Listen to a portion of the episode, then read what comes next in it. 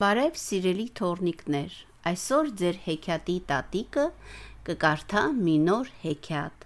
Ալան Ալեքսանդր Միլ, Վինի Թուխը եւ բոլոր բոլորը,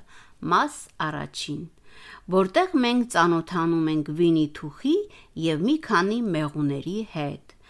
Բաղուց, շատ բաղուց,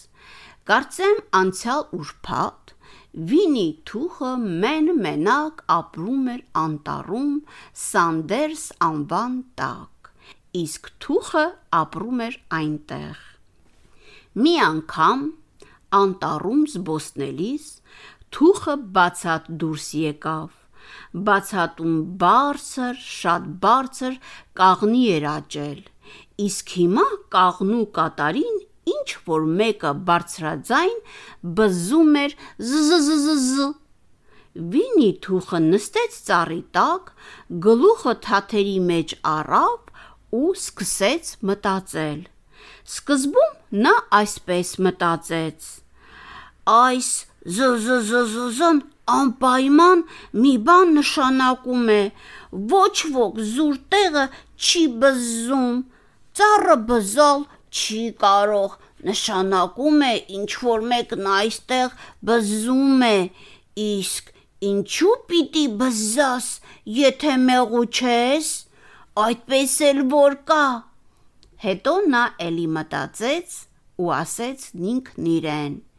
Իսկ ինչի համար են մեղուները նրա համար որ մեղր սարքեն, այդպես է որ կա։ Այստեղ նա ոտքի ելավ ու ասաց. Իսկ ինչի համար է մեղրը, նրա համար որ ես ուտեմ, իմ կարծիքով այդպես է որ կա։ Եվ այս ասելով նա մագլցեց ծառը։ Նա մագլցում էր, մագլցում էր ու մագլցում եւ ճանապարհին քթի տակ երգում էր այս երգը.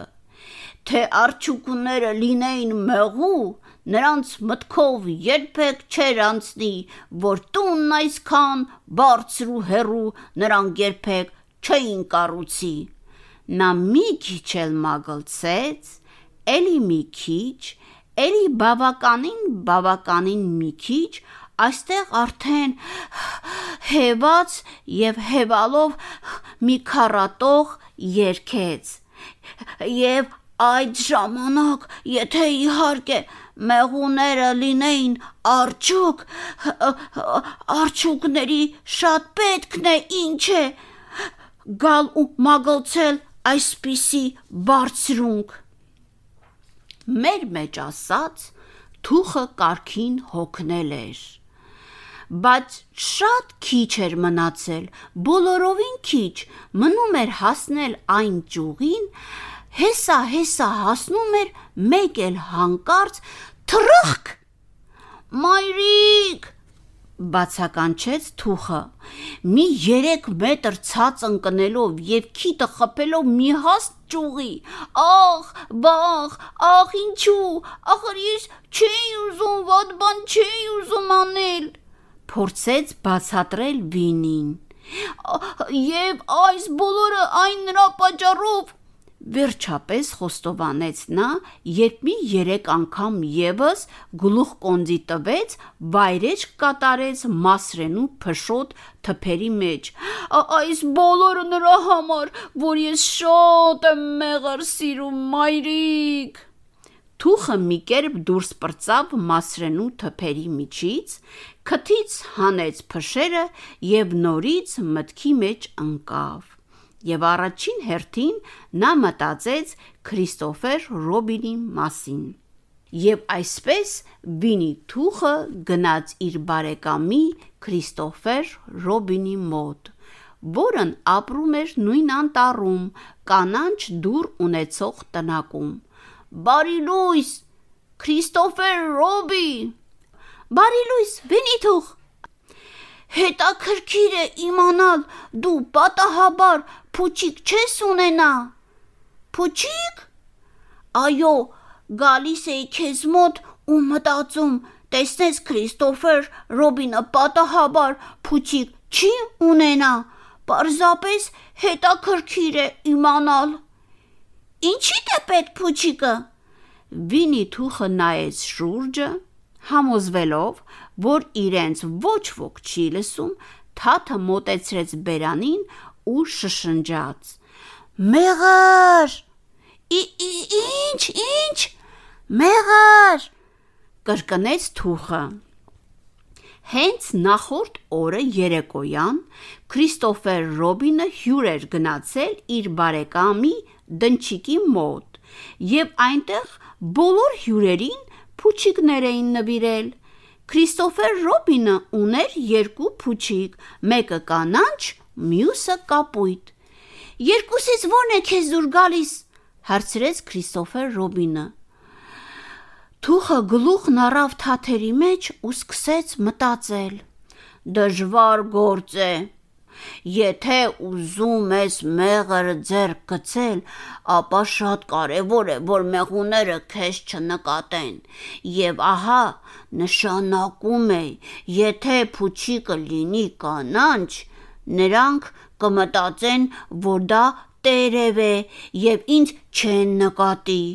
Իսկ եթե փուչիկը լինի կապույտ, նրանք երևի կմտածեն, որ դա պարզապես երկնքի կտոր է եւ դարձյալ ինչ չեն նկատի։ Ամբողջ հարցն այն է, թե որին ավելի շուտ կհավատան։ Եվ դու կարծում ես փուչիկի տակ նրանք քեզ չեն նկատի։ Գուցե նկատեն, իսկ գուցե ոչ։ Ոնց իմանաս, թե ինչ կանցնի մեղուների մտքով։ Նա մի քիչ մտածեց ու ավելացրեց. Ես այնպես կձևացնեմ, թե իբր փոքրիկ թուխ ամպիկ եմ։ Այդ դեպքում նրանք երևի կմտածեն, որ ես ամպ եմ այդ մեղուները ուրիշ ոչինչ էլ չեն կարող մտածել։ Այդ դեպքում ավելի լավ է կապույտ փուչիկը վերցնես Բարեկամները այդպես էլ արեցին։ Թուխը վերցրեց կապույտ փուչիկը, Քրիստոֆեր Ռոբինը իր հրացանը եւ երկուսով ճանապարհ ընկան։ Վինի թուխը հետո սկսեց փուչիկը լցնել օթով եւ երբ փուչիկը այնքան ուռեց, որ թվում էր հիմա հիմա կպայթի, Քրիստոֆեր Ռոբինը հանկարծ բաց թողեց փուչիկի թելը Եվ հենց որ նա թելը բաց թողեց, Վինի թուխը փուչիկի հետ սլացավ երկինք ու կախվեց օթում։ Ճիշտ եւ ճիշտ մեղուների ծառի դիմաց, միայն մի քիչ հեռու։ Ուրա! Բացականչեց Քրիստոֆեր Ռոբինը։ Հը, ո՞նց է։ Երկնքից կանչեց Վինի թուխը։ Հիմա ես ում եմ նման։ Դու նման ես արջի, որը թրջում է փուչիկից կախված։ Իս փոքրիկ սև ամպիկի նման չեմ, անհանգստացավ թուխը։ Այնքան էլ չէ։ Դե լավ, ոչինչ։ Այստեղից երևի նման կլինեմ։ Դժբախտաբար քամի չկար, եւ թուխը բոլորովին անշարժ կախվել էր օթում։ Նա կարող էր մեղրի հոտն առնել, կարող էր տեսնել մեղրը, բայց մեղրին հասնել ավաղ ոչ մի կերպ չէր կարող։ Մի քիչ համբերելուց հետո թուխը նորից խոսեց. Քրիստոֆեր Ռոբին շշուկով կանչեց նա։ Ինչ Ինչ թվում է, մեղուները ինչ որ բան կասկածում են, Ինչ։ Չգիտեմ, բայց ինձ թվում է, որ նրանք կասկածելի են պահում իրենց։ Գուցե նրանք մտածում են, թե դու ուզում ես գողանալ իրենց մեղրը։ Գուցե, ո՞նց իմանաս, թե ինչ կանցնի մեղուների մտքով։ Նորից լռություն տիրեց, եւ մի քիչ հետո նորից լսվեց Վինի թուխի ձայնը։ Քրիստոֆեր Ռոբին։ Ինչ։ Դու տանը հովհանոց ունես։ Կարծեմ ունեմ, որ այդպես է, շատ եմ խնդրում, գնա տուն, բեր հովհանոցդ եւ այստեղ գլխիդ պահած հետ ու առաջ քայլիր, շարունակ նայիր ինձ ու ասա. Այ այ այ, կարծես թե անձրև է գալու։ Այ այ այ, կարծես թե անձրև է գալու։ Ես կարծում եմ, որ այդ ժամանակ մեղուները մեզ կհավատան։ Քրիստոֆեր Ռոբինը իհարկե մտքում ծիծաղեց ու ասաց. Ախ դու իմ հիմար արջուկ։ Նա գնաց տուն ու բերեց հովանոցը։ Վերջապես, բացականչեց թուխը, երբ Քրիստոֆեր Ռոբինը վերադարձավ։ Հովանոցը բացեմ, թե պետք չէ։ Բաց արա, անպայման բաց արա։ Իսկ հիմա բաց արա հովանոցը եւ գլխիդ պահած այստեղ հետ ու առաջ քայլիր, շարունակ նայիր ինձ ու ասա. «Այ այ այ, կարծես անձրև է գալու, այ այ այ, կարծես անձրև է գալու»։ Իսկ ես կերքեմ ամպիկի երգը, որ երևի երգում են բոլոր ամպիկները երկնքում։ Դե սկսիր։ Քրիստոֆեր Ռոբինը սկսեց ծառի տակ հետ ու առաջ քայլել եւ ասել, որ կարծես թե անձրև է գալու, իսկ Վինի Թուխը երգեց այս երգը.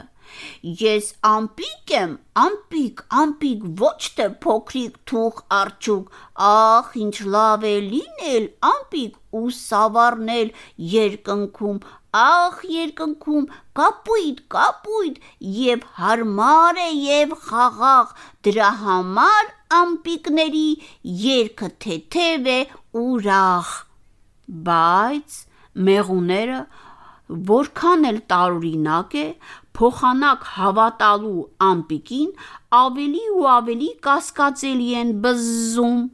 Մի քանիսը նույնիսկ դուրս թռան բնից ու սկսեցին պտտվել Վինիի շուրջը, երբ Վինին երկրորդ քառատողն էր երգում, իսկ ամենակասկածոտներից մեկը երևի ստուգելու համար նույնիսկ մի քանի վայրկյան նստեց Վինիի քթիկի վրա։ Քրիստոֆեր Ռոբի, գոռաց ամպիկը։ Ինչ Ես մտածեցի, մտածեցի, վերջապես գլխի ընկա, սրանք ճիշտ մեղուներ չեն։ Ինչ ես ասում։ Այո, այո, բոլորովին սխալ մեղուներ են, եւ նրանք երևի սխալ էլ մեղր են սարքում։ Ինչ ես ասում։ Այո, այնպես որ երևի ավելի լավ կլինի ցած իջնեմ։ Իջիր, ասեց Քրիստոֆեր Ռոբին։ Բայց ինչպես։ Քրիստոֆեր Ռոբին, դու պետք է հրացանով խփես փուչիկին։ Հրացանդ մոտդ է։ Պարզ է որ մոտս է, ասեց Քրիստոֆեր Ռոբինը։ Բայց եթե ես կրակեմ, ախր փուչիկը կծակվի։ Իսկ եթե չկրակես, ես կծակծկվեմ մեղուներից։ Քրիստոֆեր Ռոբինը իհարկե անմիջապես հասկացավ, թե ինչ պետք է անել։ Նա խնամքով նշան բռնեց ու կրակեց։ Բայ բայ բայ բայ, լաց եղավ թուխը։ Մի՞թե վրիպեցի։ հարցրեց Քրիստոֆեր Ռոբինը։ Չի կարելի ասել, թե չվրիպեցիր, ասաց թուխը։ Բայց փուչիկին իհարկե չդիպար։ Ներիր, խնդրում եմ, ասեց Քրիստոֆեր Ռոբինը եւ նորից կրակեց։ Այս անգամ նա չվրիպեց։ Օթը սկսեց կամանց կամանց դուրս գալ փուչիկից եւ Վինի թուխը բարեհաջող վայրեջք կատարեց։ Միայն թե այնքան ժամանակ թելից կախված լինելու պատճառով նրա թաթերը բոլորովին փայտացել էին։ Մի ամբողջ շաբաթ թուխը չէր կարողանում արջևի թաթերը շարժել, եւ դրանք այդպես էլ մնացել էին վեր տնկած։ Եվ եթե նրա քթին ճանճ էր նստում, թուխը ստիպված է լինում այդ աներեսին փչելով քշել թուխ, թուխ, թուխ Եվ գուցե թերևս ես դրանում համոզված չեմ, գուցե հենց այդ դեպքից հետո էլ Քրիստոֆեր Ռոբինը նրան թուխ անվանեց։ Կարդաց Մարա Բաբոն